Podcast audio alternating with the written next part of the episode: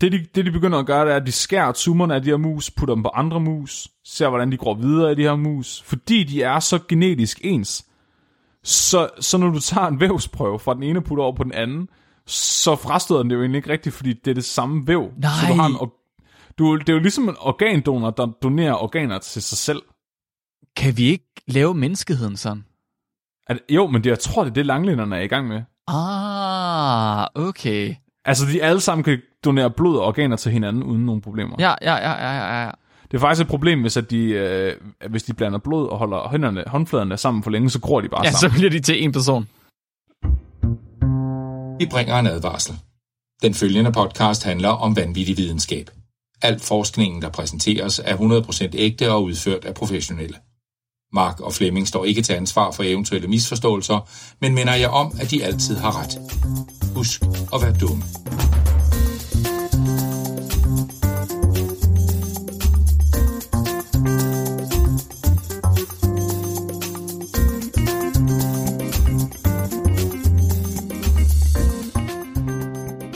Hej alle sammen, og hjertelig velkommen til Videnskabeligt Udfordret. Din bro til vanvittig videnskab. Jeg er en rotte med vest på, Mark Lyng, Og jeg er øh, 200 generationers indavl Flemming. som, øh, ja, det... Kan du ikke, altså Flemming, når vi siger de der titler der, så skal vi jo normalt sige noget, som ikke passer. Det skal være, sådan, det skal være en for sjov ting til, til publikum, sådan at du ved, de kan sidde og sige ha ha ha ha. Men nu, nu fortæller du bare om din, din familiehistorie. Nå, jeg skulle finde på noget. Det er, man skal finde på noget, som ikke passer. Øh, jeg er 199 generationers indavl.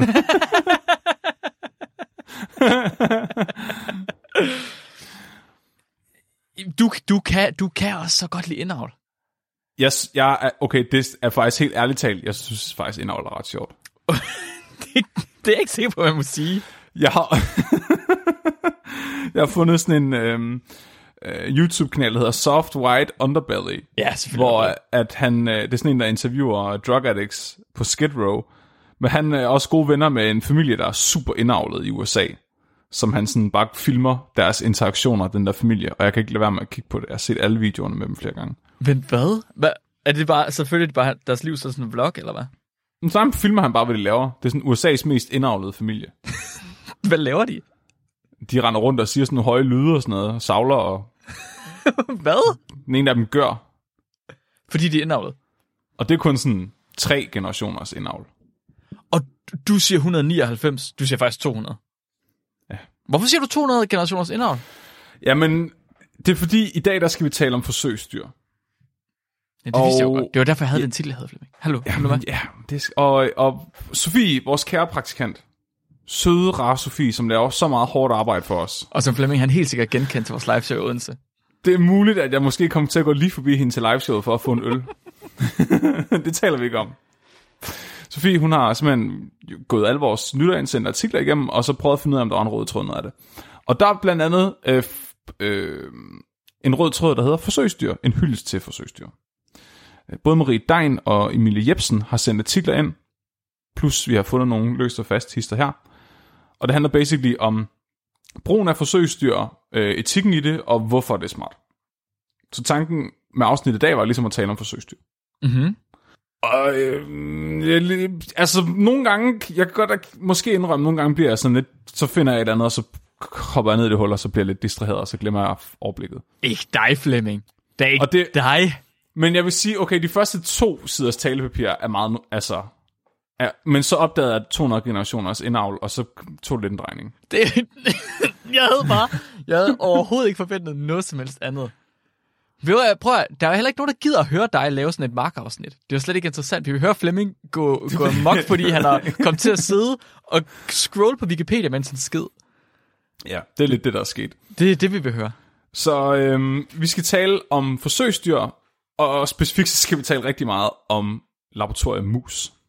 Det er jo også forsøgsdyrret, kan man sige. Ja, lige præcis. Sådan. Spændende. Spændende, spændende, spændende. Vi skal ligesom ridse op, hvad fuck er forsøgsdyr egentlig, og hvor kommer de fra? Hvad er det for noget med de her forsøgsdyr?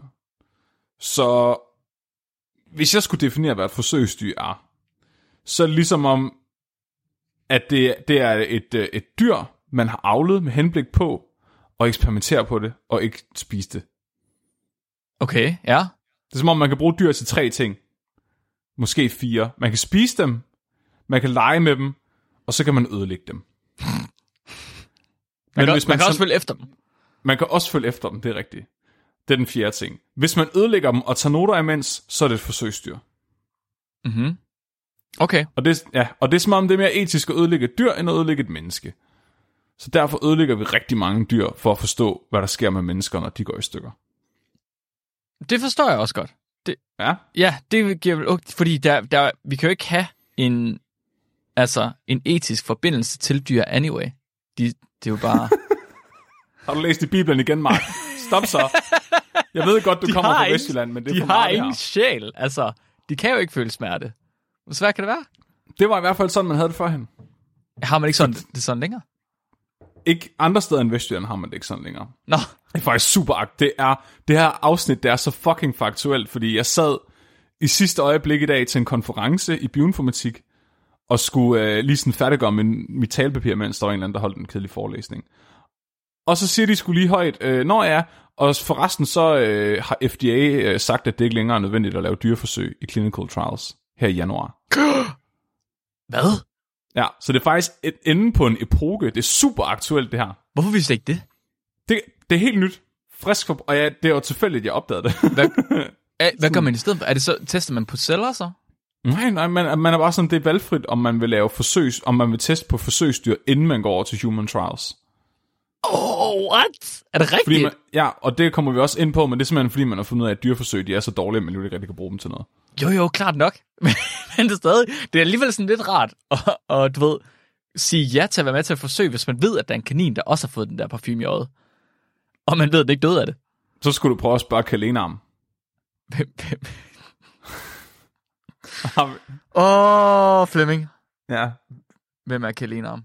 Det okay, så Kjeld, der er en gut hernede på Tåsinge, som kører, øh, han, kører tra- han kører traktor. Han kører kornvogn. Og øh, han har kun en arm. Så det er så mega sjovt, når han kører, fordi så stikker han stumpen ind i rettet. så, wii, wii, wii. Han er faktisk vildt god til at, altså han kører med sådan nogle kæmpe store vogne på. Vi har lavet, Men- det, her, vi har lavet det her program Ja. i fem år. Ja. Og du kan stadig komme med historier fra Toasting, som jeg ikke har hørt om. Hvad fanden i helvede? Men okay, så, men Kjeld Enar, du var faktisk lidt i tvivl om, hvorfor han ikke har nogen arm. det er en rigtig dårlig historie, det her. Okay. Det er fordi, der er to, der mangler en arm hernede. Det, jeg me- og den ene af dem, han mangler arm, fordi han stak ned i en kødhakker, da han var barn. øh, men den anden, han mangler, jeg tror, det er Kjeld Enar, han mangler den, fordi hans mor tog talamid, mens hun var gravid. Okay. Og talamid var det her kosttilskud, man gav til gravide, som så, vi, ja, som så viste sig, at- børn blev født deforme. Det var den, hvor man fandt ud af, at det faktisk var det kirale produkt. Altså spejleproduktet, var det ikke det? Jo, jo, ja, så det der, ja, vi har sikkert snakket om det tidligere, det er sådan en classic. Alle, der har noget med biokemi at gøre, får det at vide i undervisning på mm. et tidspunkt. Det er basically, et molekyle kan være spejlvendt.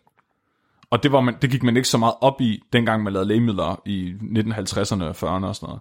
Men så talamid viste sig så, at den ene udgave af lægemidlet virkede rigtig godt, og den anden spejlvendte udgave af lægemidlet øh, gjorde, at du fik øh, et barn, der manglede en arm. Det var ikke så smart. Men, men, men pointen er bare, talamid, det var testet på dyr, inden man gav det til mennesker, og der tog man, altså der blev de ikke deforme, dyrene. Så Kalenarm, han er øh, enarmet, fordi at man brugte dyr til forsøg. Og så bare sagde, "Men så må det også virke på mennesker. Det var ligesom om man, det at det havde været testet på dyr, gjorde man slappet mere af, end, altså, da man så begyndte at bruge det på mennesker, tror jeg. Okay, så en falsk tryghed i virkeligheden. Ja, lige, lige præcis. Mhm. Mm-hmm. Det er lidt ligesom at tage sele på, når du kører bil. Mm, ja, mhm. det er lidt ligesom at have hjelm på, når man fælder træer. ja, præcis. Ja, det, præcis. det er lidt ja. ligesom at have sikkerhedsbukser på, når man øh, bruger motorsav. Eller have maske på, når du svejser. Ja, ja, ja, ja, ja, ja, ja. Hvad var det, vi snakker om? Dyrforsøg.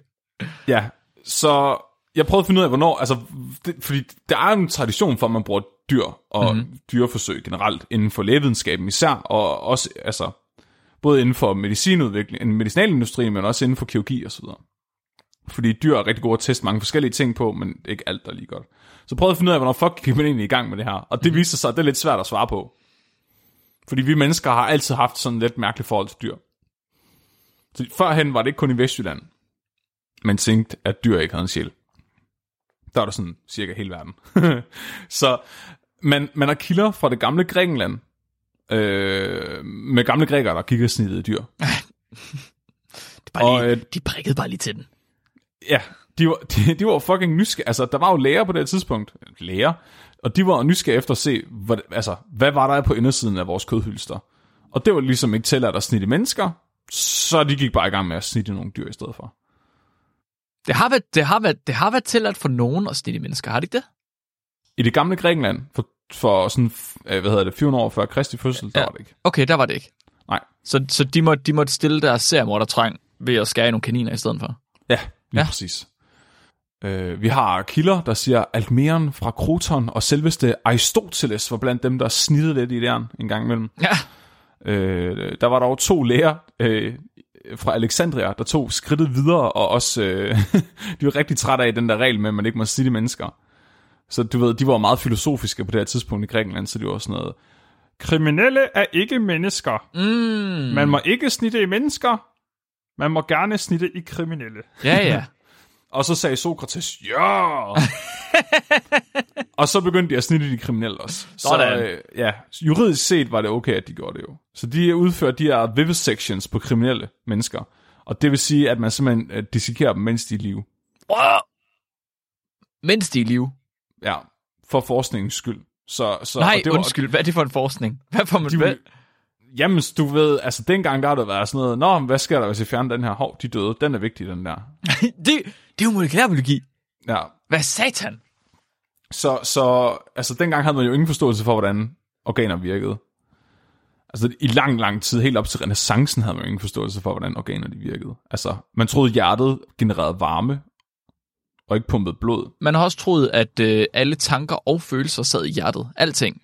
Al Mm. intelligens sådan noget. Hj- Hjernen var bare sådan en øh, tilfældig fedtklump, man ikke rigtig kendte til. Og det er lidt sjovt. Ja. Også, øh, man troede, blod opstod øh, i leveren, og at det så blev fortæret af de andre organer. Og det er sjovt. Ja, der er alle mulige. Ja. Så det er sådan, simpelthen, altså det er lidt nemmere at se, hvad der foregår, når det hele kører stadigvæk. Ja, det er selvfølgelig fuldstændig rigtigt. Så kan man se, det Har du aldrig prøvet at åbne motorhjelmen på din bil, og så har mekanikeren bedt dig om at tænde den? Jo, øh, Det- på alle de der biler, jeg har haft og været til mekaniker ved. Det, det har jeg helt sikkert. Og jeg har kigget meget ned i motorrummet på en Ja. bil. Jeg vil langt hellere kigge... Okay, det, jeg, jeg har ikke lyst til at sige det, jeg skulle til at sige. Prøv alligevel. Nej, Gør det. nej, jeg vil, jeg vil ikke... Embrace, det er dig, der er ved at blive til Flemming nu. Jeg Altså, vil- jeg siger bare, jeg, Jeg vil, jeg, ikke, jeg vil ikke langt hellere kigge ind i et levende dyr, der lige er blevet skåret midt i over. Ej, det, det ved jeg godt. Det Ja. ja. ligger mere naturligt til dig. Ja, det vil jeg ikke. Det vil jeg helst fri. for. Så øh, ja, det, det var sådan, lægevidenskaben ligesom blev født.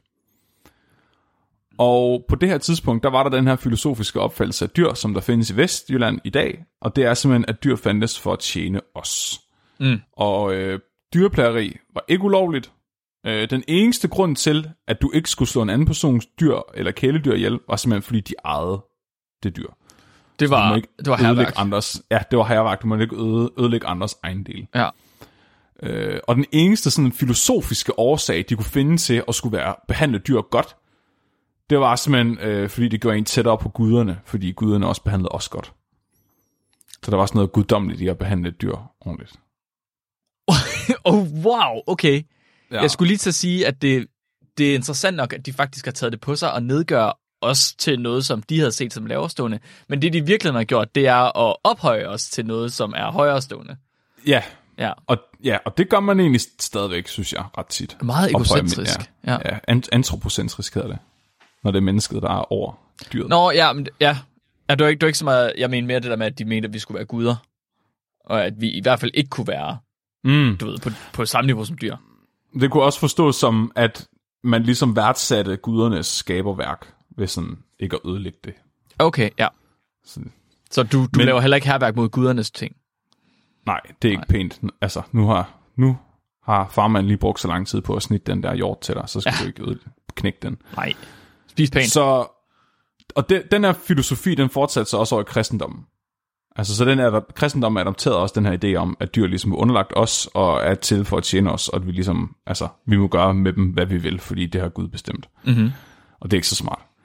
Heldigvis så øh, stopper snittefesten ret hurtigt alligevel i det gamle Grækenland. Ikke fordi det var ondskabsfuldt, men fordi at øh, de blev bare enige om, at det gav ikke nogen mening at snitte dem, fordi man kunne ikke lære noget af det. Okay. ja. Så det var sådan, de synes ikke, der var et etisk problem i at åbne dyr og kriminelle, mens de var i live for at kigge ind i dem. De var mere bare sådan, det var mere lægerne, der bare var træt af, at der var nogen, der troede, de vidste noget, bare fordi de havde kigget ind i et dyr.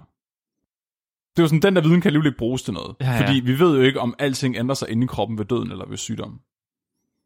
Så de var blevet trætte af, at hver gang de har åbnet en kanin, så var leveren overhovedet ikke det samme, som når de åbnede en indsat. Eller en Nej, kriminel. nej, det var, det var mere sådan, du kan ikke vide, om i det øjeblik, den kriminelle dør, ændrer indvoldene sig pludseligt. Wait, what? Ja, altså det var meget, det, og det er det med de der filosofer der, ikke? Der er bare ikke noget, der er sikkert. Men så, hvad? Du kunne heller ikke vide, hvis du er, syg, øh, du er syg, hvad nu hvis at organerne flytter sig eller ændrer sig? Altså de mente, Ja, okay, det, kan, kunne- du- det kan jeg bedre se. de var mere sådan, du okay. Kunne ikke vide med sikkerhed, at det er repræsentativt at kigge ind i, i noget, der er dødt, hvis du gerne vil forstå noget levende. Eller omvendt, kigge ind i noget levende, der er rest, hvis du skal forstå noget, der er sygt. Så de okay. Stoppede med at snitte, i snittefesten stoppede. Det, det kan jeg egentlig også Jeg kan godt følge dem i det, men jeg kan ikke helt se, hvorfor at de så har et problem med, og du ved, hvis man snitter et, et levende dyr op, så må det Ja. vel kunne overføres en lille smule til et levende menneske. Nej, Nej, det var, kunne okay. man ikke, Ja, den nej. parallel måtte du ikke drage af filos, filosofisk grund. Godt, jeg har ikke levet dengang, var. Jeg er blevet stenet. det er faktisk først i 1500-tallet, man kunne, at snittefesten den starter igen. Så t- 2000, næsten 2000 år senere. Og det er her, øh, han hed Vesalius, kirurg og læge. Han begyndte bare at snitte dyr igen. Og han brød også reglerne og begyndte at snitte nogle døde mennesker. Sådan. Og han noterede sig så, at øh, dyr og mennesker ikke nødvendigvis så ens ud indeni, at der godt kunne være forskel på, hvad det var for nogle organer og deres relative størrelse, og hvor de sad og så videre. Så han er faktisk den første, der begyndte at lave det her komparativ anatomi, hvor man ligesom sammenligner indmaden på forskellige organismer. Prøv lige at høre her. Hvor var der virkelig meget lavt hængende frugt dengang? Ja. Hvor er det en nem observation at gøre sig? Men det, er lidt ligesom, tænke, det, er- det er jo ligesom at gå ud og sige, det der træ, det er faktisk ikke det samme som det der græsstrå, fordi de er ikke lige høje. ja, Det, det, det er jo så nemt. Det, hvorfor kan jeg ikke gøre det i dag? men det var fordi dengang var alle jo ligeglade. Ja, selvfølgelig. Det var klart, det var fuldstændig ligegyldigt ting at opdage. hvis du opdager det, så siger det til en almindelig menneske, så det, Ja. ja. er du dum, eller hvad? Det vidste hvad da godt. Hvad har du lavet i dag, Mark? kan jeg æde det? Nå, du er da spild af luft. Har du, har du læst 10 år i bøger for at finde ud af det der? Det var, kunne du ikke være ude på marken i stedet for? Præcis. Og han begynder også at normalisere den her brug af vivisektion igen. Altså hvor man ligesom åbner noget, der er i live. Så øh, går der lige to 300 år, hvor øh, alle hygger sig med at undersøge, hvordan ting ser ud indeni igen, indtil der er nogle hippier og filosofer, der kommer og ødelægger det hele. Oh, Fordi nu, nu har det ligesom været dejligt nemt at gøre det her, fordi der var ikke nogen, der mente, dyr havde rettigheder, og kriminelle havde ingen rettigheder, og øh, de havde ingen følelser og ingen sjæl. Så kom der nogle filosofer og sådan, hmm, kan vide, om dyr har følelser, kan vide, Ah. om dyr har en sjæl. Og det diskuterede de så lige i en 200-300 år frem og tilbage. Og ja, Descartes mener er en af dem. Nu skal jeg passe på, fordi min kone er filosof. Men ja. Descartes, Descartes sagde vist noget med, at dyr var ligesom maskiner. At han, altså automatons. jeg han er husker at vist- hørt noget fra videnskabsfilosofi. Han quoter, men han er også misquoted, så det var nødvendigvis ikke det, han mente, som man forstår det. Okay. Så, men, men der, var- der var rigtig meget frem og tilbage med, om man skulle tænke på dyr som værende noget, der altså skulle ikke, ikke behandles ordentligt. Og hvad fandt man ud af? Man fandt ud af, man blev mere og mere i tvivl. Man blev Og, mere med øh, i tvivl. Ja, og, og læger blev mere og mere påpasselige, og der var også flere, øh, op i 1800-tallet, flere læger, som sådan er meget plaget af deres forsøg, at de sådan, de har dårlig samvittighed over, at de har lavet vivisektioner på de her dyr, og ligesom øh, noterer sig, at det var en frygtelig oplevelse, og de skammede sig over at have gjort det, men deres resultater var vigtige, så de sådan offrede sig nærmest for deres forskning. Hold da op. Så filosoferne ødelagde ligesom det sjove. Det er selvfølgelig det. Det gør de altid. Det, ja, ja, de ødelagde festen. og det er, så, det er så der, når vi kommer op i 1800-1900-tallet, at man egentlig begynder at have en ret god forståelse for menneskelig anatomi, og hvad organerne de, de gør, og hvad deres roller er og sådan noget.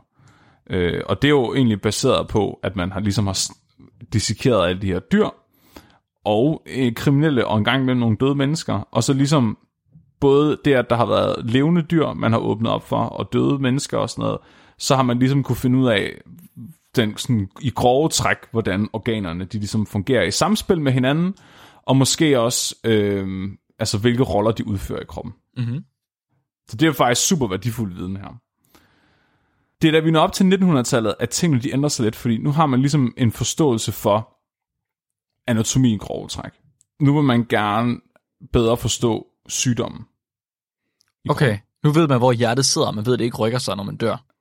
Ja, højst sandsynligt ikke. Okay. Og, og man, man vil ligesom gerne forstå især sådan noget som cancer for eksempel, og tumorer og andre sådan meget øh, hvad hedder det, synlige vævssygdomme, mm-hmm. vil man gerne have en bedre forståelse af, og ligesom prøve at finde ud af, altså, er de arvelige, smitter de, øh, altså, hvor fuck kommer de fra? Mm-hmm. Og det her, at den ligesom måden, vi interagerer med forsøgsdyr på, og hvad vi tænker på som forsøgsdyr i dag, begynder at blive etableret. Okay.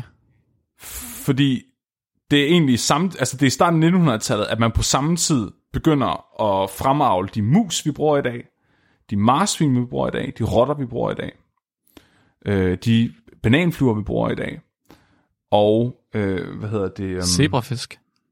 Nej, ikke zebrafiskene. De kom først senere. Nå, okay. Det kan godt være, det bare lige var de fire, der jeg tænkte på. Kaniner. Kaniner var den sidste. Ah, kaniner, okay. Så sådan noget som musen, det er specifikt mus musculus, der er det mest almindelige forsøgsdyr. Altså det forsøgsdyr over dem alle. De her hvide albinomus. Altså mest almindelige. Okay, det tæller ikke, fordi bananfluer, dem er der så fucking mange af. Statistisk set er musen vigtigere. Ja, okay. Musen er det mest almindelige pattedyr, man bruger. Den er mere øh, imp- impactful. Impactful. Ja. Ja. Den, den, altså det er ligesom den, man, når man tænker forsøgsdyr, så er det tit den der albinomus. Men mm. det er også den, der bliver brugt suverænt mest inden for lægemiddelsforskning. Mhm. I hvert fald i antal. Så det, og det er lidt fucked, fordi det er den samme mus, man har brugt siden starten af 1900-tallet. S- Og når man går ind og, jeg prøvede at gå ind og finde ud af, altså hvor kommer den fra? Og øh, der står sådan flere steder, jamen det er der sgu, ja, det, det, på et eller andet tidspunkt i 1900-tallet, så er den blevet domesticeret, og det er den, man bruger i dag. Den, den samme mus. Altså den samme, altså den stammer fra øh, nogle af de her domesticerede mus i 1900-tallet. Okay. Så det, man går meget op i i laboratorier rundt omkring i verden, det er, øh, hvilken øh, strain, kalder man det, Ja, af musen. Så det er ligesom, hvilket, hvilken, hvad er den smag af musens stamtavle. ja. Fordi man vil jo gerne have, at musene er altså fysiologisk så ens som muligt, også genetisk, sådan så at man kan sammenligne resultater på tværs af, af studier. Vi plejer, vi plejer at sige inden for mikrobiologi, men jeg ved faktisk ikke, om det er det samme øh, med andre, der bruger stamme. Men vi plejer at sige, at en stamme, altså en strain, den er genetisk identisk hver gang. Uanset om du har to individer, hvis de får Ja. ja. den samme stamme, så er de genetisk identiske. Ja, Jeg ved ikke, om det er det samme med mus også, at hvis de får det er, samme... jo, Okay, sa- samme strain er genetisk identisk. det vil sige, ja. at de faktisk skal være kloner. Basically, ja. Ja, ja. Og det, og ja, så var jeg inde og kigge, fordi så kan man, man kan simpelthen vælge forskellige strains af mus til sin forsøg, Ja. alt efter hvad man gerne vil undersøge. ja. Så der er nogle forskellige kategorier. Det er fuldstændig ligesom meget fucked up Pokémoner, det her. Ej. Så øh, for det første, så er der knockout-mus, man kan bestille. ja. Så det er øh, mus, der har fået fjernet bestemte gener. Mm-hmm. Så de er sikkert ikke brugt til noget alligevel. Eller også så gjorde de, det er jo vigtigt. Det, er jo, det kan være, det er vigtige gener, som vi skal finde ud af, hvor vigtige er de, når de så ikke er ja, og det, og det er det, der er vildt, fordi jamen, det kommer vi også ind på, men, men det, man, det, en af de ting, man har brugt mus rigtig meget til senere hen op imod årtusindskiftet, det er faktisk at forstå, hvordan gener virker. Mhm. Øh, og det er blandt andet det, knockout-mus har været rigtig nyttige til, fordi så har man ligesom fundet ud af, hvad, hvad sker der med kroppen, når det her gen ikke er der. Så man kunne prøve at overføre den viden til mennesker. Men det er også, hvis man nu for eksempel vil teste et lægemiddel, hvor musen har en eller anden øh, evne til at nedbryde lægemidlet, som måske ikke er øh, til stede i mennesket, eller måske ikke er favorabel, lige hvis man vil teste noget bestemt, så kunne man for eksempel fjerne et gen, som så gør, at den øh, nedbrydningsevne forsvinder i musen. Det er gået op for mig øh, for nyligt, at vi måske lidt har en tendens til at trivialisere, når vi snakker om genetik og molekylærbiologi, bare fordi vi er, altså, vi, det, vi snakker om det hele tiden, dag ud af dag. Vi, øh, vi er miljøskadet. Vi har lavet rigtig meget GMO-bakterier. Så jeg ved ikke, om vi bare lige hurtigt skal sige, at man kan fjerne gener. Øh, man Ja. kan ændre i DNA, og det er noget Ja. af det, mig og Flemming vi gør. Flemming har gjort, gør det ikke så meget mere. Ja. Øh, men det, det er helt almindelig praksis, at man ændrer i gener og i DNA, og kigger i DNA og gener. Og Ja. ved mus er det sværere, end det er for os i bakterier, men man gør det stadig. Og man kan så købe sig til, at der er nogen, der har gjort det for en. Og i bakterier er det så nemt at fjerne gener, at man sætter studerende til at gøre det. Ja. Øh, så har man de her transgene mus. Og det er simpelthen en mus, hvor man har taget et gen, der ikke hører til en mus, og så har man sat det ind i en mus. så det, og det er også det, man vil kalde GMO, altså at genetisk modificere dem. Øh, det ville en knockout nok egentlig også være jo. Ja, ja, alt, Øh, alt når du det- ændrer hvis- på DNA. ja. Så og det er ligesom et, et EX Pokémon-kort. Så lige pludselig så har, kan den her mus noget nyt. Og det kunne for eksempel være, hvis man gerne vil øh, have, at musen skal tilegne sig en egenskab, som vil gøre den mindet mere om mennesket, for eksempel i måden, at lægemidlet interagerer med musen på. Det, er, det er faktisk i virkeligheden ligesom, hvis du kunne lære øh, Blastoise Firestorm. Ja, nå ja, ja, ja, hvis du lærer øh, Pokémon et nyt trick. Ja, ja som, de præcis. ikke, som de ikke ellers kunne lære. Ja, Ja, det TM's. Er lige præcis. Tak, Frederik. og, det, og præcis, og- men hvis det er en af dem, de kunne lære, så er det en spontan mutant. Ja. Det er den næste på listen. Yes, okay. Så det vil sige, det er en mus, der er muteret af sig selv, ja. Ja. uden GMO har været indblandet. Altså, hvor man ikke har gået ind og snittet det noget. Prøv lige at høre her. Man skulle fandme næsten tro, at Pokémon er baseret på evolution. Det, altså, man kan sidde og klikke rundt på de her mus, man kan bestille, og de har ligesom, det er ligesom en Pokédex. Så kan du se, hvad hedder den? Øh, hvad farve har den? Hvad er, hvad er der særlige kendetegn, og hvordan adskiller den sig fra de andre? Okay. Ja, så den har sådan nogle evner og sådan noget. Ligesom Pokémon. Kan man så også Ja. se, hvilket level den får cut? Nej, den kan ikke få cut, det er en HM. Øh, hvilket level den får... I don't know. Fuck, jeg kan ikke huske Pokémon. Tackle? Jeg ved ikke. Det er ret tidligt. Jeg, har, jeg, skal, jeg skal indrømme noget. Jeg Du har du aldrig spillet game. po- Du har aldrig jeg spillet ikke få en Pokémon? Game Boy. Jeg, jeg måtte ikke få en Game Boy. Ej, Flemming. Det er fandme pinligt. Ja. Det var noget pjat. Så jeg fik lus af at, s- af at stå over i første klasse med hovedet ind imod hovedet mod alle de andre børn, der havde på Game Boys, for at kigge på, at de spillede. Selvfølgelig. Åh, jeg har lyst til at give dig en Gameboy nu med Pokémon.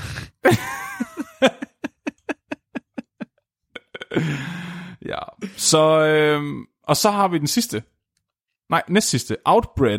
En outbred mus. Hvad tror du outbred er? Det lyder som om, det er en, der får lov til at parre sig med en anden population, end den klonpopulation, den ellers er en del af. Så, så du gætter på, at det er det om, omvendte af inbred? Ja, det vil jeg nok sige.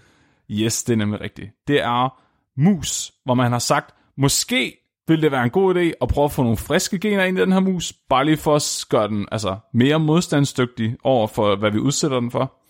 Så det, altså, det kunne for eksempel være ligesom, når man blander forskellige hunderaser, laver sådan en gadekrydsmus.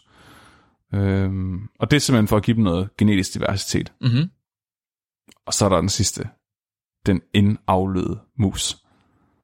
Det er Langelandmusen. Langelandsmusen. Det er en, definitionen af en indavlet mus. Det er musen ikke fra Syfyn. Uh, det, er- den er fra Langeland. Den er, den er ikke bare fra Langeland, den er helt nede sydfra. Så for sand. Helt nede fra... Ej, jeg må ikke sige nogle bestemte øer eller byer, så går det. Kommer ikke at smadre mig. Definitionen på en indavlet mus, musculus domestica, er, at den minimum skal være produkt af 20 generationers indavl. Og det er ikke bare indavl. Det er som i, det er 20 generationer, hvor det er søskende mus, eller børn forældre mus, der har fået afkom sammen. Stop. Er det en ting? Øh, ja. Hvorfor anede jeg ikke det? Jeg har, jeg har selvfølgelig aldrig arbejdet med mus, men what? Det er 100p rigtigt, yes. Indavler man den specifikt med deres egen øh, artsfælder, eller familiemedlemmer? Ja. Øh, at, men okay, det er for at undgå genetisk variation. Det kan jeg godt se. Ja. Men, men okay, er det ikke lidt fucked? Det er ret fucked, og det er sjovt, fordi det er også for kort, altså det, jeg tror, det er det, forkortelsen står for, fordi det hedder en F20-mus, som i 20 generationer. Jeg tror, fuck, det står for fucked. Ja, det, det tror jeg også. F... Den er fuck gang 20. Ej, what? Og det er så her, at det var meningen, jeg skulle have fortsat ned af det der spor med ligesom at snakke om andre forsøgsdyr, men jeg kunne ikke abstrahere for det der indavl. så jeg prøvede at finde... Jeg, jeg blev ikke tilfreds med, at der bare stod, man ikke rigtig vidste, hvor de kom fra, de der mus, så jeg, jeg fandt ud af det. Nå, Så øh, hvor fuck kommer de her indavlede laboratoriemus fra? De kommer fra Clarence Cook Little. det er, Han- en, det er en dude. Det er en dude, der virkelig godt kunne lide indavl. Åh oh, nej, åh oh, nej, åh oh, nej. Åh oh, jo. Han blev født i 1888 og studerede på Harvard University. Hans far aflede vedløbshunden, hvilket gjorde, at han selv var meget interesseret i at afle ting og sådan forståelsen af genetik. Han var bare ikke så god til det. Det er en af de bedste. Han glemte bare regel nummer et. Nej, så, så på det her tidspunkt skal man, så han starter i 1909 på sit øh, specialprojekt, tror man vil kalde det i dag. Mm-hmm. Og på det her tidspunkt, der ved man jo stadig ikke, hvad DNA er. Det er først i 1953, man ligesom opdager, kortlægger DNA, mm-hmm. forstår, hvad DNA er. Så på det her tidspunkt, så er man egentlig ikke noget meget længere end Gregor øh, Mendeleev, altså i at forstå, hvordan, altså hvad DNA er. Så han var den der, der krydsede de her ærteblomster og så, hvordan farverne nedarvede sig. Øh, så han vil gerne prøve at teste, om man kunne gøre de samme forsøg på andet end ærteblomster. For ligesom at påvise, at dyr også nedarver gener på samme måde som planter. Og at man kan se det i specifikke træk. Ja, Ja. han lavede faktisk, så han startede med selv at teste på øh, hunde, og afle hunde, og udgav et videnskabeligt studie på et tidspunkt om, hvordan farver i hunde nedarves. Ja. Så det var ligesom hans store interesse. Men det var så her, at hans, og det har nok været hans speciale vejleder, øh, William E. Castle. Han, øh, han overtaler Little til at det der med at arbejde med hunden. det, pff, det er sgu da lidt besværligt, var. De der hunde, de æder her meget, de prutter, du skal gå tur med dem, og så er de jo ret længe om at få valpe.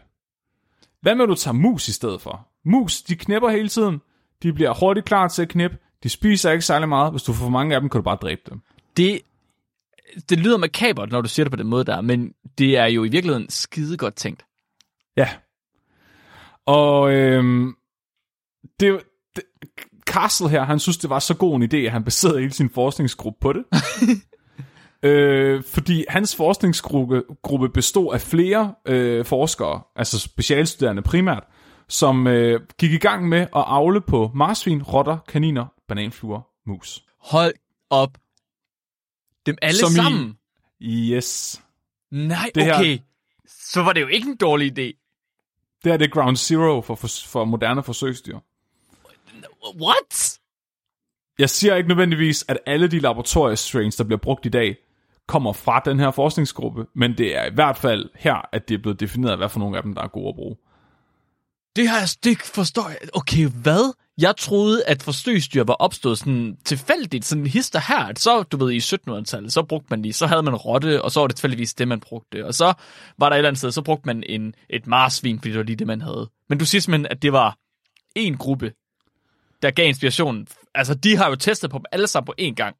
Ja, de begyndte specifikt at afle på dem, for at forstå, hvordan egenskaber blev nedarvet i de her dyr specifikt. Det er ret fucked. Men det får mig også til at tænke på, vi har en plante i øh, molekylærbiologi, som vi bruger basically udelukkende. Altså det er sådan al forskning, vi har om planter, om planters genetik, er baseret på den her ene plante. Og det er sådan en lille irriterende stykke græs. Altså den er ude i vores græsplæner. Det er sådan en, øh, jeg kan ikke huske, om den hedder springgræs på dansk eller sådan noget. Det er sådan, den, den laver sådan en, en twist i græsset, og når du så, hvis du så prikker til den, så skyder den sin, Ja. øh, sin frø af. Den hedder Arabidopsis thaliana. Og den eneste grund til, at man stadig bruger den, og man bruger den vanvittigt meget til forskning, den eneste grund til, at man stadig bruger den, det er bare fordi, man har brugt den meget.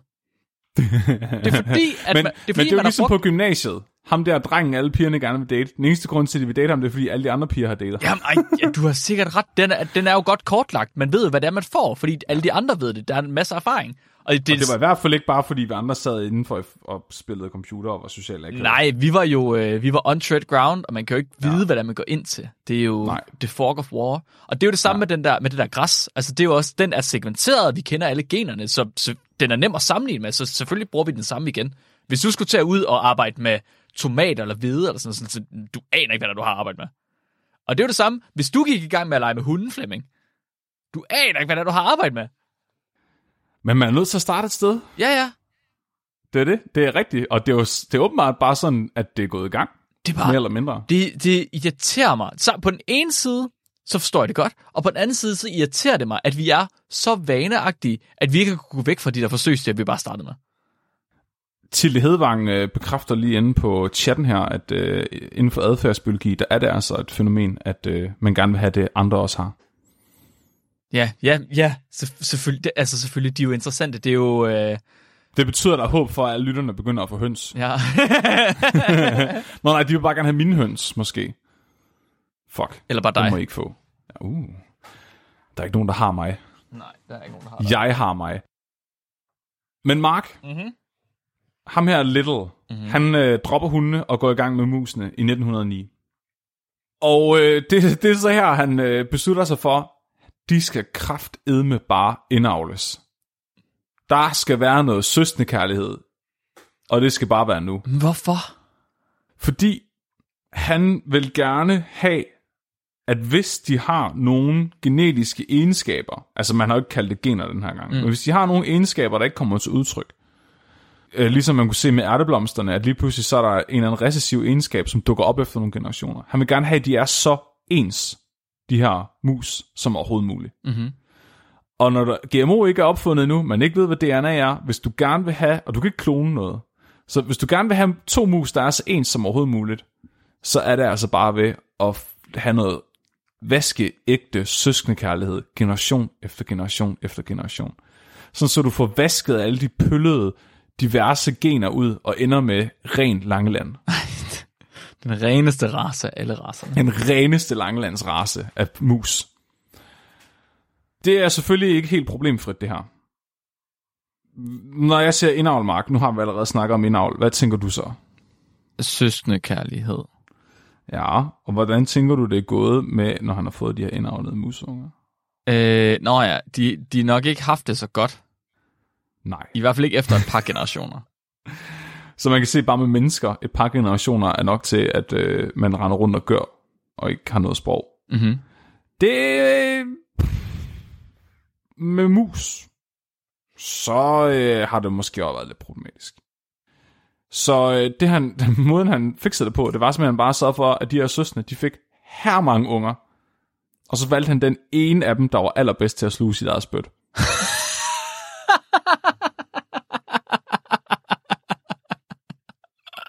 Og så dræbte han alle de andre. Så dræbte han alle de andre. Og så kørte vi en generation mere. Og måske har han valgt to for hvert kuld. Der skulle være to til at få unger. Ja, det kan man sige. På, I løbet af sit, øh, sit projekt her, som stod på i tre år, fik han fremavlet mere end 10.000 mus. 10.000. Mhm. Og det er bare indavl på indavl indavl på indavl. Det er Han, fuldstændig øh, vanvittigt. efter år, altså, og måden han ligesom vurderer på, om han er nået i mål, det er ved at se på kuldene af mus, der kommer, hvor ens er ungerne. Fordi hvis der lige pludselig er en, der har prikker, eller en anden øjenfarve, eller tæerne ikke er lige lange, så har- eller et eller andet, Så har postbuddet været på besøg. så skal der mere indavl til. Mere. Så han er bare blevet ved med at avle og avle og avle, indtil han kan se, at nu ændrer de sig ikke længere. Nu er der bare, nu er der, nu er der et eller andet her, der bare spiller. Og det er det, han kalder en stabil indavlet population Okay, fordi mus. jeg, jeg, jeg sidder sådan og tænker på, når, hvis han specifikt udvælger dem, der nemmest kan sluge deres eget spyt, eller har, har bedst ved at sluge deres eget spyt, øhm, hvad er det så, han egentlig mister i... Altså, hvad er det for en, for en genetik, han mister ved at lade de andre dø? Jeg ved godt, at de nok ikke komme så langt, at de ligesom, men de må jo have en form for øhm, skade i deres DNA, eller et eller andet. En genfejl, Altså, det der- der, der gør, at de, de har svært ved at overleve.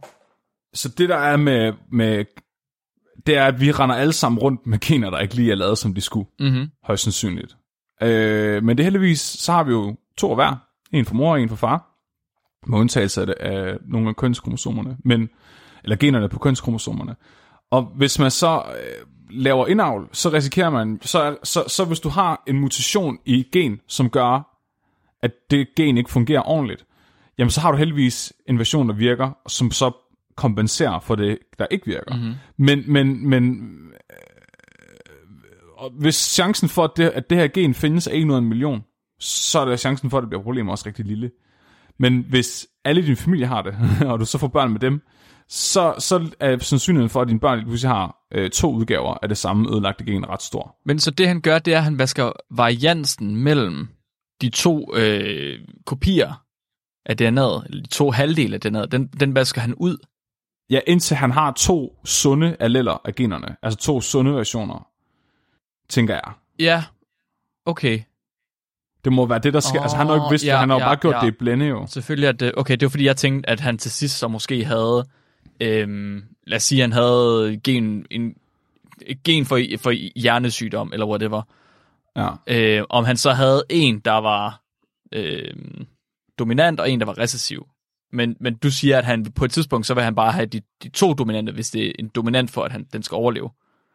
Ja, eller udvasket de dominante. Jamen, hvis han Så er udvasker kun- dominante, så hvis vi siger, at det recessive er det, de dør af, så vil de Mm. dø jo. Ja. Ja. Nå ja, på den måde, ja. Og det, det skal lige siges, det er en meget grov simplificering, det her. Så Klart. det er ikke altid sådan, at nedavning af gener fungerer, og det er ikke altid, at et rask allel kan kompensere for et sygt allel og sådan noget. Nej, altså, der, der kommer også overkrydsninger. alt Åh, oh, ja, ja. Ja, der er meget mere til end det her, men, men i grove træk, hvis man skal prøve at forstå, hvad fuck der er foregået med den her indavlsfest, så, er- så er det i hvert fald nok et element af det, at han har fået nogle af de mindre heldige ting ud af genomet. Ja, Måske. det, gi- Måske. det, det giver mening for mig, ja. Så de er fenotypisk adf- er stabile, det vil sige, de, altså måden de ser ud på, måden de er dannet på, er rimelig ens, mm-hmm. de ligner alle sammen hinanden. Adfærdsmæssigt, der minder de også meget om hinanden. Mm-hmm. Så de, de løber alle sammen rundt i cirkler og skriger. Det ved ikke, om det gør. Ja. Men, men og, det, og det er så her i 1920, at det lykkes ham at, at, at opnå den her... Øh, nej, okay, han, det tager ham fire år fra 1909, så 1913 der har han en stabil population. Og da han så når til 1920, der er det så, at han har den her mus, som han så siger, okay, nu føler han, at han er rimelig færdig, og begynder at dele ud af dem. Den mus, den bliver kaldt, den bliver kaldt BL, BALB-C-musen. Okay. Det er altså hans ultimative indavlsmus, han har arbejdet på i 11 år. Den ultimative indholdsmus. Det er den albinomus, som man bruger i dag. Så det vil sige, ikke nok med, at han har indavlet på den i hvor mange generationer? 10.000 forskellige mus, men hvor mange generationer? ved vi Øh, man er ikke helt... Og jeg, jeg vil sige, jeg har ikke noget tal på, hvor mange generationer, at, øh, at øh, han var på i 1920.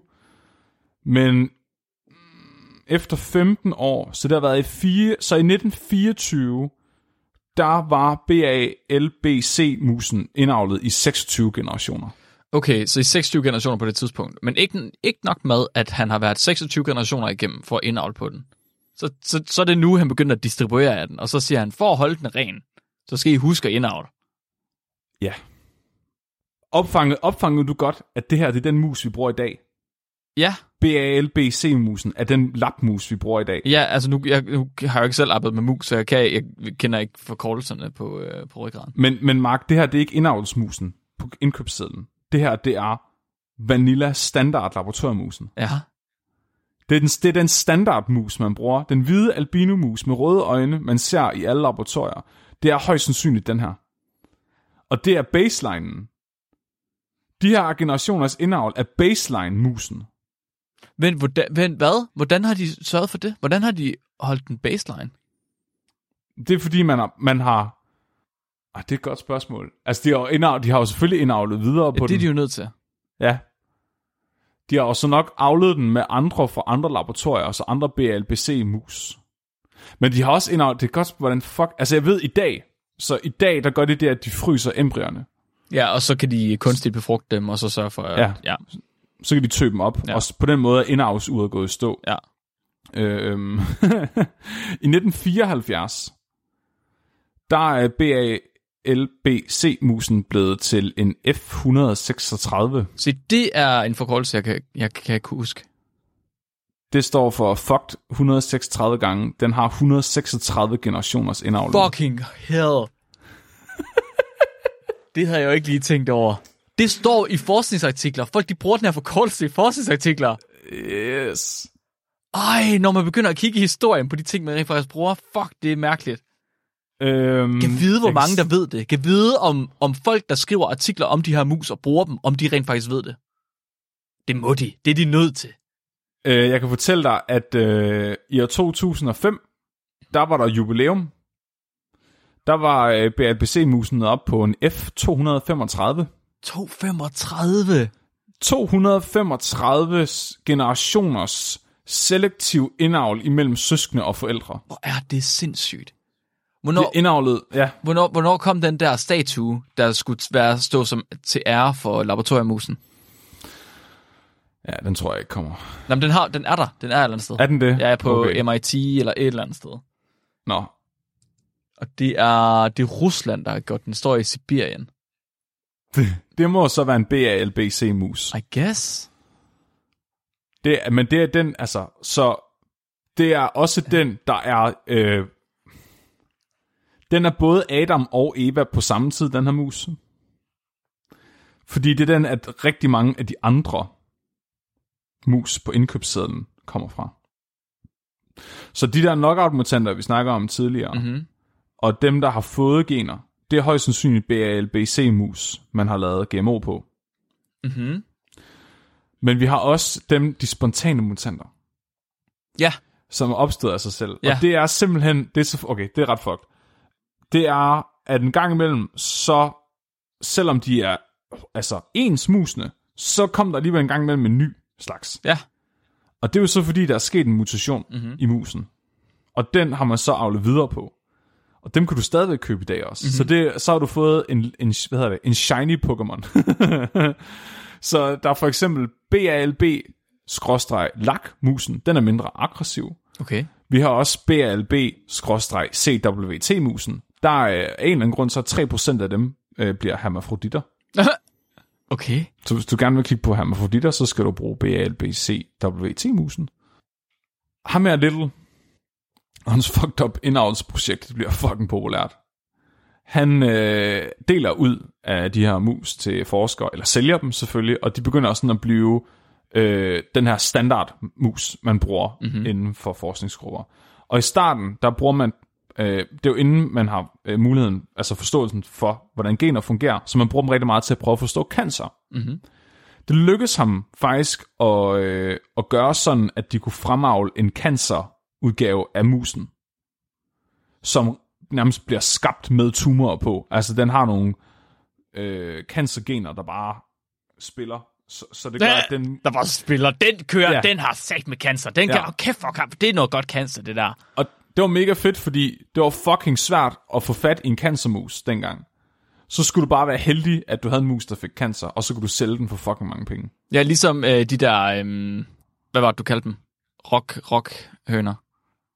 Plymorokker? Plymorokker, lige præcis, som vi havde sidste gang. Hvor de også bare var heldige, at de fandt plymorokkerne Ja. med tumorer. Ja, så, så det, de, det de begynder at gøre, det er, at de skærer tumorerne af de her mus, putter dem på andre mus, ser hvordan de går videre i de her mus, fordi de er så genetisk ens. Så, så når du tager en vævsprøve fra den ene putter over på den anden, så frastøder den det jo egentlig ikke rigtigt, fordi det er det samme væv. Så du Nej. har en, du, det er jo ligesom en organdonor, der donerer organer til sig selv. Kan vi ikke lave menneskeheden sådan? At, jo, men det, jeg tror, det er det, langlænderne er i gang med. Ah, okay. Altså, de alle sammen kan donere blod og organer til hinanden uden nogen problemer. Ja, ja, ja, ja, ja, ja. Det er faktisk et problem, hvis, at de, øh, hvis de blander blod og holder hænderne, håndfladerne sammen for længe, så gror de bare Ja, så sammen. bliver de til en person. Det bliver ligesom Last of Us. Ja. det er sådan nogle. Han deltager også aktivt, så, så en ting er, at han innoverer faktisk øh, forskning inden for cancer Mm-hmm. med de her cancermus. Han øh, er også meget aktiv inden for forskning inden for genetik, og er ret kritisk over for øh, forskere, som ligesom mener, at kraft kan forklares som en, et genetisk, øh, en genetisk, ja, hvad hedder det, et genetisk træk, Ah, ligesom en farve. ja, ja, ja. Og det er bare fucking sejt. Han, han bliver beskrevet som en meget karismatisk, meget sådan frembrusende mand, som virkelig altid var op og skændes med nogen. Sådan. Men som, men som folk også var meget charmerende på samme tid. Det er det, jeg går efter. Og han var ret heldig, fordi han havde jo ret. Altså, Ja. kan så bare med, altså. Det, det var meget fedt. Det, det agede godt. Så tog han lige ud og kæmpede i Første Verdenskrig, ja. kommer tilbage og indavler videre, Sådan. og det er så her, at der kommer det første rigtige problem. Og det er, at øh, fordi alle de her mus er så ens, når de så bliver syge, så bliver de alle sammen meget, meget syge. Mm. Fordi deres immunforsvar er jo også identisk. Ja. Så det betyder faktisk, at samtlige af hans mus, de dør af en, øh, et bakt, øh, bakterielt udbrud i hans. Ja. ja. Det lykkedes ham dog at samle mus tilbage igen fra sine kunder og kollegaer, og avler så videre. Okay. Og det er så de, det er de mus, vi bruger i dag. Ja. Så de, de mu- laboratoriemus, der bliver solgt i dag, kan traces back, tilbage til 1919 på det her tidspunkt. Men de er jo så stadigvæk et produkt af det indhold, der har været tidligere. Jeg kan komme med nogle highlights her. Øh, I 1925, der lykkedes det ham at indavle C57BL-6 musen. Okay. Også øh, kendt som Black nummer 6. B- Det er en, ja, BL6 synes jeg også, jeg har hørt før. ja, det er en meget mørkebrun, næsten sort mus. Ja. og så kan man læse spæksene øh, inde på hjemmesiden, når man kan købe den. Så øh, den er mere sensitiv over for lugt og lyd, end de andre mus normalt er. Okay. Den er mere aggressiv, og lederhannerne plukker hårene af de mindre hanner. Okay. Det er så fucked up, deres adfærd er så genetisk betinget, at du kan forudsige, hvordan de alle sammen opfører sig ens, fordi de er så... Ej, det er så fucked. Prøv at tænke på, hvis man kunne det med mennesker, med enæggede tvillinger. Men det giver okay mening, at man, man altså, det giver ikke mening, at man kan, men det er meget fedt, at, det er meget fedt, at man kan, fordi de forsøg, man bruger det til, kræver en vis adfærd. Mm. Altså for eksempel den der sorte mus der, jeg tror, det er den, man bruger rigtig meget til fedmeforskning øh, og diabetesforskning, hvor man gerne skal have nogle mus, der æder, altså så du ligesom kan regne ud, at de æder. Ja. Du ved, så du ikke tilfældigvis har en mus, der æder meget lidt, og en mus, der æder rigtig meget, fordi så vil det jo fuck dit data op. De skal Ja. ja. æde lige meget.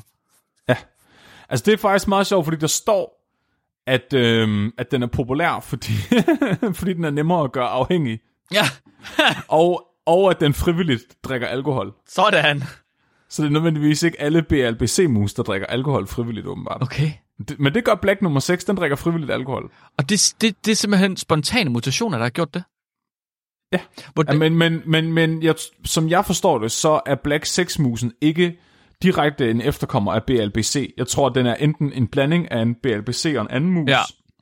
eller en anden indavlsstrain. fordi jeg har svært ved at se ellers, hvordan den skulle blive sort mørkebrun. Ja, Ja. ja. Og den er også populær, fordi der findes rigtig mange spontane mutanter øh, ud af den her, så der findes mange versioner af Black 6-musen, som kan bruges til forskellige forsøg. Okay. Så Jackson Laboratory sælger de her mus, og det er der, på deres hjemmeside, man kan gå ind og se det. Og det er faktisk også øh, et laboratorie, som han startede ham her lidt, hvor man kan købe de her kryopreserverede embryoer. De Jesus sælger også Christ. øh, BLBC Fat-musen. Ja. Den er, der står udseende sort tyk. Nå, så må det være den, jeg tænker på i stedet for. Ja. Okay. Man kan også købe øh, blindemus. Ja. Og det er så fucked, fordi den opstod spontant i 1974 hos det her Jackson Laboratory. Så de fremavler jo musene for at sælge dem. Men så en gang imellem, så får de jo bare en legendary mus alligevel. Ja. Så de var bare mega heldige en dag, at en af dem var blind. Og så avlede de bare videre på den. Og så har de jo en blind version af BLBC. Det er jo rimelig... Okay, du ved godt, at det vi gør med bakterier, er jo i virkeligheden lidt det samme. Ja, Vi prøver jo også at holde dem så renrasset som overhovedet muligt ved at fryse dem ned, og så kun tage af den samme frysestok altid, sådan at du ved, det er Mm. altid det samme gen, du har. Men alligevel, så sker der det samme, at der kommer tilfældige mutationer hister her, sådan at det, som vi tror rundt om, verden, rundt om i verden, er det samme. Fordi vi kan jo ikke se på dem. Når de, når de får en spontan mutation, så skifter de ikke farve, og de bliver ikke blinde. Så du kan ikke se det på dem. Mm. Så den eneste måde, du opdager det på, det er, hvis der sker et virkelig, virkelig fucked, eller hvis du sekventerer dem. Ja. Men rundt om i hele verden, så alle de ting, som vi arbejder på, som vi tror, det er det samme, vi kan sammenligne, det er overhovedet ikke det samme. Slet, det, må du ikke, det gider jeg ikke høre på sådan noget, Mark. Jamen, det er slet Jeg ikke vil, det godt samme. lide, jeg vil gerne have, at man generaliserer. Det, ja, det, det, er sådan, det, det er virkelig noget, der går op for mig på min PhD. Det, det, man kan bare ikke sige, at en stamme er den samme stamme, selvom ja, man har haft den i fryseren. Nej, nej, det er rigtigt nok. De ændrer sig, de der laboratoriestammer. Ja, det er virkelig, virkelig vanvittigt. I 1922, der bliver Little præsident for University of Maine. USA's yngste university president nogensinde. Han er blandt andet ham, der har været med til at indføre, at man har intro-uger på øh, universiteter i USA. Okay. Ja, han er en total nice person. Ja. Og øhm, han var også den, der insisterede på, at man skulle have et laboratorie på universitetet. Ja. Til forskning og til oplæring af de studerende. Mm-hmm. Så det var også ham, der var med til at normalisere det. En god mand. 1925, der øh, upgrader han lige og bliver præsident for University of Michigan. Michigan. Michigan. Mi- Mich- Mich- Michigan. Michigan. Michigan. Michigan. Michigan. Michigan. Michigan. Her bliver han lidt upopulær, fordi han går ind for kvinders rettigheder og brugen af prævention. What? Han gik også ind for minoriteters rettigheder. Det er jo den omvendte Nobel-forbandelse. I sammenhæng med, at han var stor tilhængende, tilhænger af eugenics og at øh, Okay. okay. tvangssterilisere folk. Okay, never mind. Man kan ikke få det hele hver gang. Nej, han, så det der med musene, det stemmer lidt til hovedet, tror jeg. Ja. Så jeg tror også rigtig godt, han kunne lide den der idé om at have en stabil indavlet population af mennesker måske, hvor han bare var sådan... Han siger, øh, han siger, at alle vores medicinske problemer kunne løses, hvis vi behandlede menneskeheden på samme måde, som vi behandler maskiner, ved vedvarende at forbedre og optimere måden, hvorpå vi fungerer. Jeg vil være den mand. Hvordan bliver jeg den mand? Hvordan bliver Så jeg han var ikke, det var ikke sådan, at han var nødvendigvis var mega racistisk. Altså, han gik ind for minoriteters rettigheder. Det var heller ikke sådan, at han var sexistisk. Han synes bare, han var meget praktisk anlagt. Han var sådan, hvad nu, hvis vi alle sammen bare bliver ens? Det har ikke noget at gøre med, at vi skal udradere en minoritet eller noget som helst. Det har noget at gøre med, at vi skal have stabiliseret hele den menneskelige population. Jeg tror, hans drøm var Langeland. Jeg tror vildt bare gerne, han ville have en Adam og Eva, og så bare gå i gang med at bunkepool med en hel masse søskende. Jeg tror, at hans drøm, det var de der grå aliens med store øjne. Og at vi alle sammen skal være de der grå aliens med store øjne. Og der er ikke nogen, der får lov til at gå fri. Det, og i praksis ikke. Altså, det, det, det vil jo bare gå ud på at, at, at lave en indavsgeneration, præsentere dem for øh, videnskabeligt udfordret Ja. vanvittig verdenshistorie, mm. og hvis de så vælger vanvittig verdenshistorie, så nakkeskyder du dem, og hvis de vælger videnskabeligt udfordret, så indavler du videre på dem. Sådan god nok. Ja. Og Og så gør du det i 20 generationer, og så, øh, så har du kureret alt. og til sidst så har du 8 milliarder mennesker, der alle sammen hedder Flemming og siger bok bok. Præcis. Ja, Det det er er drømmen. en, en smuk tanke. Det er det faktisk. Ja, til gengæld, til gengæld så tror jeg, eugenics ikke så dårligt. nej, men jeg tror til gengæld, at den population, den vil bryde i brand sådan rimelig hurtigt. der er ikke så meget division of labor imellem. Det forstår jeg ikke, hvad du mener. Nej, ansvar og det? sådan nogle ting. Det sker, det... Hvis alle sammen, hvis der er ikke nogen, der ved, hvis der ikke er nogen, der forstår konceptet ansvar, så findes det jo heller ikke, så er det ikke et problem. det er bare, alle laver deres egen æg. det er lige det, de kan spise, og så skal de ikke have Ja. Det er fint. Ja, Ja. rå æg. Vi Ja, ja, laver bare rå æg og salmonella. Hold kæft, mand. Ja. Øh, og det er ret fucked, fordi han, altså, han, bliver, han er med til at lave banebrydende forskning inden for cancer. Han bliver blandt andet øh, formand for American Cancer Society i 1929. Øh, samtidig med det bliver han også formand for American Society of Eugenics. Nice. Der vil jeg så lige pointere, at øh, der var blandt andet øh, Charles Darwins egen søn, øh, Leonard Darwin, som var med i den her klub og holdt øh, konferencer om eugenics, altså om race. Så eugenics er ideen om, at man skal afle mennesker øh, for at gøre dem racerene. Så det er jo lidt det, øh, nazisterne også synes var en ret god idé.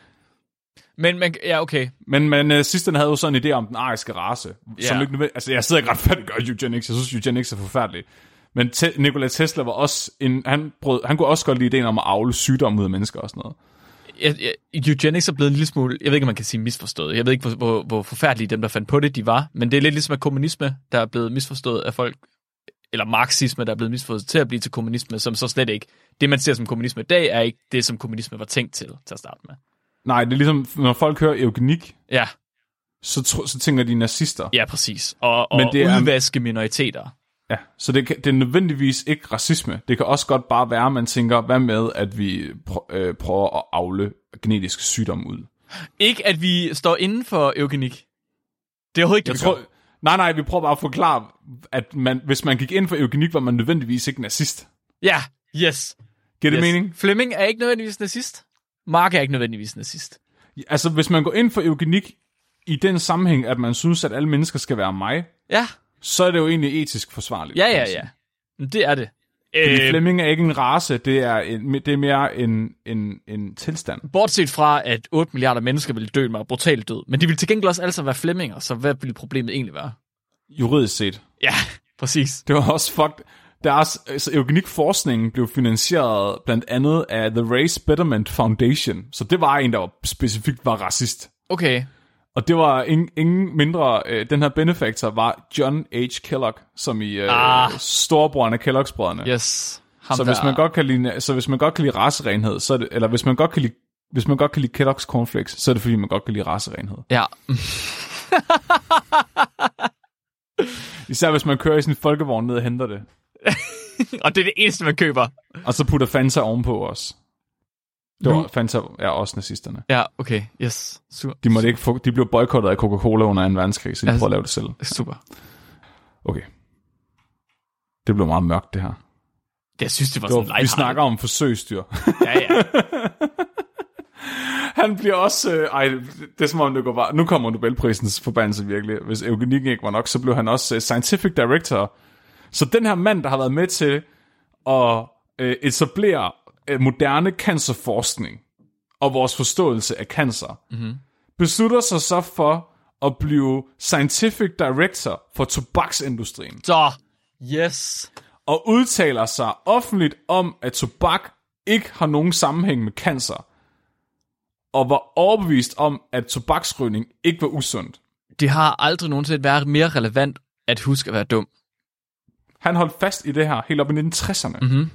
Hvor han sagde, at der fandtes ikke evidens for, at det var usundt at ryge, Nej. selvom der var evidens for det. Ja, ja, ja. Altså, du ved, børn med sorte lunger, det er jo ikke... Det er bare fordi, de er for, de er nede i kulminen for længe. Det er fordi, de ikke rører camel Ja. til at rense lungerne. ja.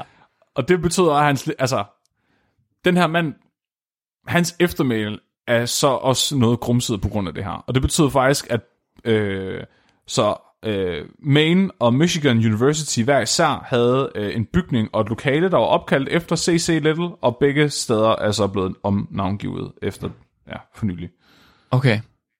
Så Det er næsten lidt sørgeligt, at vi ligesom, at han skal huskes for de dårlige ting, han har gjort. Han er okay. jeg synes også, det er lidt ærgerligt, fordi han, altså, man, er, man skal også ligesom erkende, at han har lavet noget vigtigt. Altså, det var ret vigtigt, at han indavlede de der mus. Ja. Han har Han selvfølgelig... lavede så bare noget dumt bagefter. Han blev cancelled, faktisk. Jamen, det gjorde han jo. Det gjorde han. Ja. Jeg skulle lige så sige det, at han- det er lidt ligesom uh, J.K. Rowling lige nu. Og hendes uh, transfobiske tweets og... Det er vildt underligt, fordi var hun ikke i den anden grøft først? Mm. Jeg forstår ikke, hvad der foregår med J.K. Rowling. Nej, men det var vel ikke... Hun har, hun har aldrig været inden for transseksualitet, tror jeg ikke. Hun har bare været sådan feminist. Nå. Ja. Ja, fordi jeg kan godt huske, da Dumbledore var homoseksuel, og Hermione var sort. Ja, Og så blev folk sure over det. Men nu så går den anden grøft. ja. Så hun har faktisk provokeret begge fløje.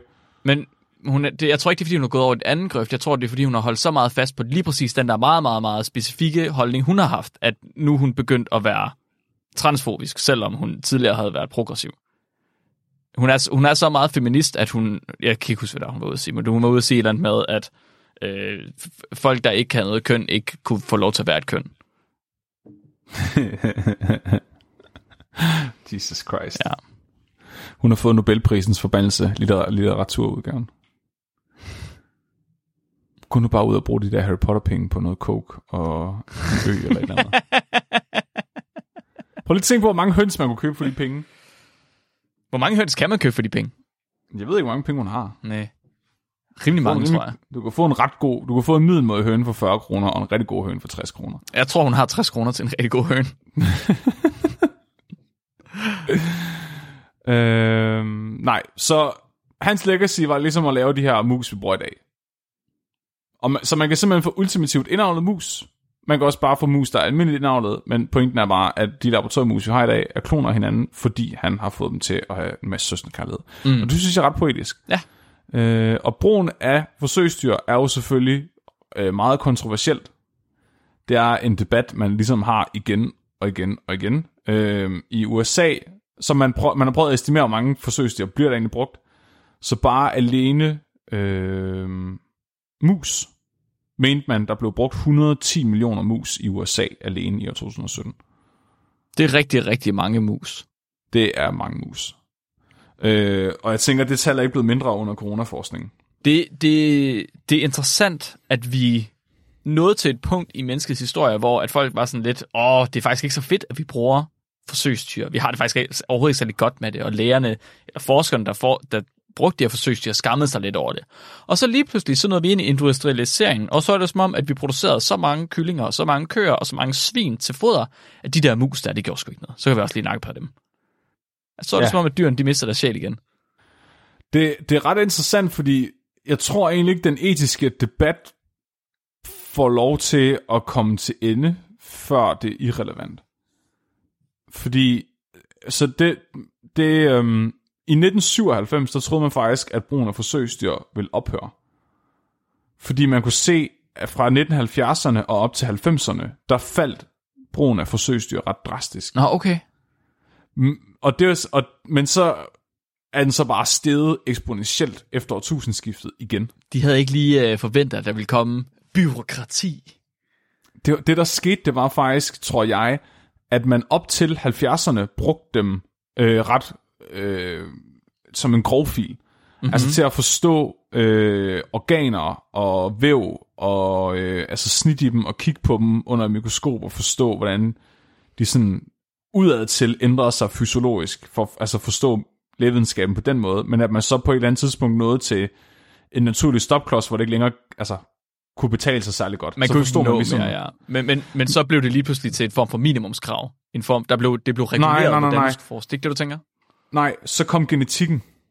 Nå. Så begyndte man at segmentere DNA i 90'erne og 0'erne. Og så kunne du segmentere musenes DNA lige pludselig, og så kunne du bruge det til at kortlægge genetiske sygdomme. Ja, okay. Det kan jeg også godt Så, se, du, du... mening. så meget af den viden, vi har i dag om, hvordan, gen, altså, hvordan gener fungerer, og hvilken rolle de spiller, kommer egentlig af, at man har lavet knock-up-mutanter i mus, for eksempel. Ja, ja, ja. Eller, eller fremavlet øh, mutant mus. Så det er som om, den første bølge af forsøgsmus blev brugt til at forstå fysiologi, og Mhm. den anden bølge blev brugt til at forstå genetik. Men nu her i januar i år, er man så nået frem til, pff, nu er det sgu egentlig ikke rigtig nødvendigt længere, fordi nu har vi ret godt, nu har vi så godt styr på begge dele, at vi ikke behøver så særlig mange mus ihjel længere. Men det de, det, det, de ligesom har sagt, man ikke skal til januar længere, eller det, de sagde i januar, man ikke skal længere, Mm. det er jo at bruge mus til at finde ud af, hvad er effekten af et lægemiddel, eller et eller andet medicament, før det er, at man ligesom godkender det til menneskeforsøg. Ja, og der, der Og ja, det, var, det, var der, det var det, jeg tænkte, at du ved, det må også virkelig have skubbet i gang i brugen af forsøgsdyr igen. Det at, øh, hvad kalder man det, øh, godkendelsen af lægemidler er blevet reguleret ret kraftigt, og der kommer nogle minimumskrav på, som ikke nødvendigvis har været, øh, har givet mening. Du ved, der er nogen, der har siddet i et kontor, og så har de sagt, vi er nødt til at have en eller anden måde, hvorpå vi kan sige, at nu må mennesker bruge det. Hvad skal vi gøre? Vi siger, du skal mm. bruge det på minimum fire kaniner, ellers så går det ikke. ja, og så har det jo været minimumskrav, ja. så skulle du jo bruge fire kaniner. Altså, Ja. ja. altså uanset om det gav mening eller ej. Ja. Det, ja, præcis. Altså, og det er stadigvæk, det har virkelig en plads i forskning øh, at have forsøgsdyr. Jeg kan, sag, jeg, jeg kan, men- men, jeg men- kan sagtens se men ideen i at bruge det til genetik, øh, men jeg- kan også sagtens se ideen i, at det giver ikke mening at have dem til kliniske forsøg. det er i hvert fald, viser det sig ofte, at hvis man gerne vil helt ned i nitty-gritty molekylærbiologi, så er dyr ikke altid det bedste øh, udgangspunkt. Nej. Øh, og det er som om grundforståelsen for, hvordan den fungerer, er blevet så god nu, at man nærmest kan, hvad kan man sige, estimere det nok til, at det er sikkert at begynde at teste lidt på mennesker, efter man har prøvet på noget væv eller et eller andet. Ja. Altså man kan ligesom cut the middleman på mm-hmm. en eller anden måde. Øhm, det viste sig, at man prøvede at regne ud, hvad succesraten egentlig var for de her kliniske forsøg på dyr, og den var kun omkring 5%. Wow! Ja. Altså Vildt. så fe- det var kun 5% af de her kliniske forsøg på dyr, der egentlig gav nogle resultater, der var anvendelige. Wow, det er syret. Ja, Jeg så ud med dem for helvede. ja. Det var, ja. Så, så, så jeg tror, at stør, altså størstedelen af de her 110 millioner mus om året-agtigt, har været sådan nogle genetiske forsøg. Og selvfølgelig er de her clinical trials, som man har kastet dem under bussen, for ligesom at forstå, hvad der foregår. Mm-hmm. Men ligesom om, ja, ja, der har, åh, der har også været alt det her med lov. Især i USA har der været et problem, fordi i USA, der er forsøgsdyr ikke beskyttet under den almindelige amerikanske dyrevelfærdslov. Så du kan gøre, hvad du har lyst til. Ja, Fuck, det er ulækkert. Ja. Ærligt talt. Men januar i år, der øh, kom FDA ud og sagde, at øh, animal testing er ikke øh, nødvendigt et, et krav Altså det, kommer, det er valgfrit, så det er, hvis man føler, det giver mening, inden man begynder at teste mennesker. Jeg, jeg sad lige og tænkte over, om det faktisk var så banebrydende, som det egentlig er, men det er i virkeligheden virkelig, virkelig vigtigt, fordi selv altså de fleste danske forskere, der undersøger lægemidler eller udvikler lægemidler, de kigger også til FDA. Det er sådan Altså, en det- autoritetdøn, man går efter. Men jeg synes også tit, man finder ud af, at mus og kaniner og grise skulle være ret gode til infektioner og sådan noget. For eksempel blærebetændelse er så grisene gode, fordi deres blære minder meget om vores, når de bliver inficeret og sådan noget. Men i ret mange tilfælde, så, så, er dyrene, så giver dyrene bare ikke super meningsfuld data i forhold til udvikling af nye lægemidler. Så vidt jeg forstår, fordi de, de er alligevel anderledes nok for os til, at det ikke... Altså, Mm. Nå, nu, nu skal vi heller ikke... Øh, jeg, altså, jeg vil sige, det er min, det er min personlige teori om, hvorfor brugen af forsøgsdyr faldt indtil øh, 90'erne, og den så steg igen. Jeg tror, det er derfor, men jeg kan også tage fejl. Så I må ikke tage mine ord for gode varer, men, men jeg kunne forestille mig, at det simpelthen er starten på den genetiske æra, der ligesom har boostet brugen af forsøgsdyr igen for ligesom at runde af med den her oprindelige øh, forskningsgruppe, vi snakkede om før, som ligesom lavede alle de her forsøgsdyr. Det er ret interessant, fordi Little var jo ikke den eneste forsker, så der var også en, der fik marsvinene for eksempel. Mm-hmm. Og det er sjovt, fordi ham, der fik marsvinene, hed Sewell Wright, og øh, hans projekt var jo at prøve at fremavle nogle marsvin til forsøgsdyr. Og Wright var faktisk langt mere videnskabelig og grundig, end Little var. Så Okay. han var ikke bare sådan, "Åh, nu skal jeg bare bolle. Han, han, altså han testede meget mere, øh, han testede afkommet meget mere grundigt, både fysiologisk øh, bi- og biokemisk, og han fulgte deres udvikling og sådan noget. Han var virkelig, virkelig grundig og kvantitativ i sin øh, frem, fremavling af de her marsvin. Problemet var bare, at han var øh, introvert og akavet, så han var rigtig dårlig til at hive forskningsmidler oh, ind, og så er marsvin bare svære at avle på. De er længere tid om at øh, få afkom, og øh, de øh, spiser mere. Øh, og så viser det sig også, at deres immunforsvar og fysiologi vist er dårligere til at repræsentere mennesket end musens. Så musen er en bedre model. Øh, jeg tror, marsvin bliver mest... Jeg, så vidt jeg kunne læse, så marsvin blev brugt frem for mus i tilfælde, hvis, det, hvis man vil kigge på noget, for eksempel lungeinfektioner og sådan noget. Fordi, der, fordi deres lunger er større, de er mere volumen og sådan noget. Der er nogle celletyper, hvor de minder mere om os mennesker end mus gør. Men det, det er sådan ultraspecifikt. Det er sådan noget med, at nogle få celletyper, der mm. har marsvinene en receptor, som vi også har. Og den har musene så ikke. Og den receptor er nok til, at et negativt resultat på en mus kan være et positivt resultat på et menneske. Så hvis man brugte marsvin i stedet for, så ville man have fået det positive resultat, som man ledte efter. Ha. Åh Ja. oh, gud. Ja, præcis. Det, det er derfor... Nu skal vi bare bruge ChatGPT til at udvikle alle lægemidler i stedet Ja, for. nu spørger vi bare. Ja. Hvad sker der, hvis jeg spiser øh, hydrogenperoxid? Det skal du lade være med. Ja tak, det var, ikke det, jeg spurgte, det var ikke det, jeg spurgte om, ChatGPT. Hvad sker der? Giv mig detaljer. Du får hvid afføring. Se, det var det, jeg spurgte om. Du får afbladet uh, frosty tips i numsen. Oh yes. Nice. Det er bare sygt at tænke på, hvis Wright havde fået musen i stedet for Little. Hvor, lang, hvor meget længere vi var kommet med musen, måske? Ja, Ja. og hvor, hvor, hvor hurtigere vi havde fået en forståelse for, hvordan genetik egentlig fungerer. Ja. Det var, øh, hvad jeg havde for i dag. Tusind, tusind tak, Flemming. Det var... Øh, jeg synes, det var en... Det, det var en fyldesgørende hyldest til øh, forsøgsdyrene, selvom du faldt ned i et rabbit hole. Så synes jeg, det var et godt rabbit hole. Tak. Det vil jeg, det vil jeg det, det var et musehul, Mark. Selvom du faldt ned i musehullet, ja. Ja. Jamen, tusind tak for det, Flemming. Lad os tage et lytterspørgsmål. Er du klar til det? Yeah. Dagens lytterspørgsmål, det er sendt ind af Louise. Og Louise, hun har skrevet ind og spurgt, hvad er det smidigste dyr i verden, og hvorfor er svaret en vandmand? Nu vil jeg godt lige pointere, at vandmænd ikke er særlig smidige. Okay. Okay. De går bare, de, prøv at høre, lige så snart du rører med en vandmand og prøver at bøje lidt ind, så dør den og går i stykker. At, nej. Hvor mange gange kan du folde en vandmand, før den revner? Jeg spørger bare. En orm? Fucking OP, den er smidig. Okay. Du kan slå en knude på en orm. Du kan ikke slå en knude på en vandmand. Nej, det kan du ikke, det er rigtigt. Den knækker jo faktisk. Det gør den. Juridisk set er vandmanden nok det mindst smidige dyr. Hvorfor har Ruben og Knud løjt for os? De siger, du kan presse det igennem alt. Altså det kommer an på, om du så tror på, at vandmanden stadig er en vandmand, selvom den går i 40 stykker. Ja, og jeg skulle lige til at sige det. Kan en vandmand ikke leve videre, selvom du hakker den i stykker? Nej, Er du sikker? det kan den ikke, Mark. Jeg En tror- vandmand er slet ikke levende til at starte med. Nej, er jeg skulle lige sige, de har ikke noget nervesystem, har de det? Nej, de er bare planter. de er faktisk bare ulækre. De har faktisk bare plastikpose fyldt med vand. Juridisk set er de bare naturens skrald. Men der er, der er jo, altså, der er nogen, der spiser skrald. Okay, hvis, altså, hvis vores definition af smidighed ikke nødvendigvis indebærer, at dyret overlever, Mm-hmm. så kunne jeg godt komme i tanke om nogle dyr, der stadigvæk var mere smidige end vandmanden. Ja, okay. Jeg tænker bare, altså prøv lige at tænke på en giraf. Hvor mange knuder du kunne slå på den, inden det ville være fysisk umuligt at lave flere. Den behøver ikke at overleve det. Hvad er din definition af smidig? Er det, Altså, hvor hvor mange meget du- knuder, du kan slå på noget? det. Er det ikke den nemmeste måde at kvantificere det på? Smidighed? Ja. Jeg er ikke sikker Det på, jeg hvor helt... meget du kan bøje dig og dreje dig og... Er det det?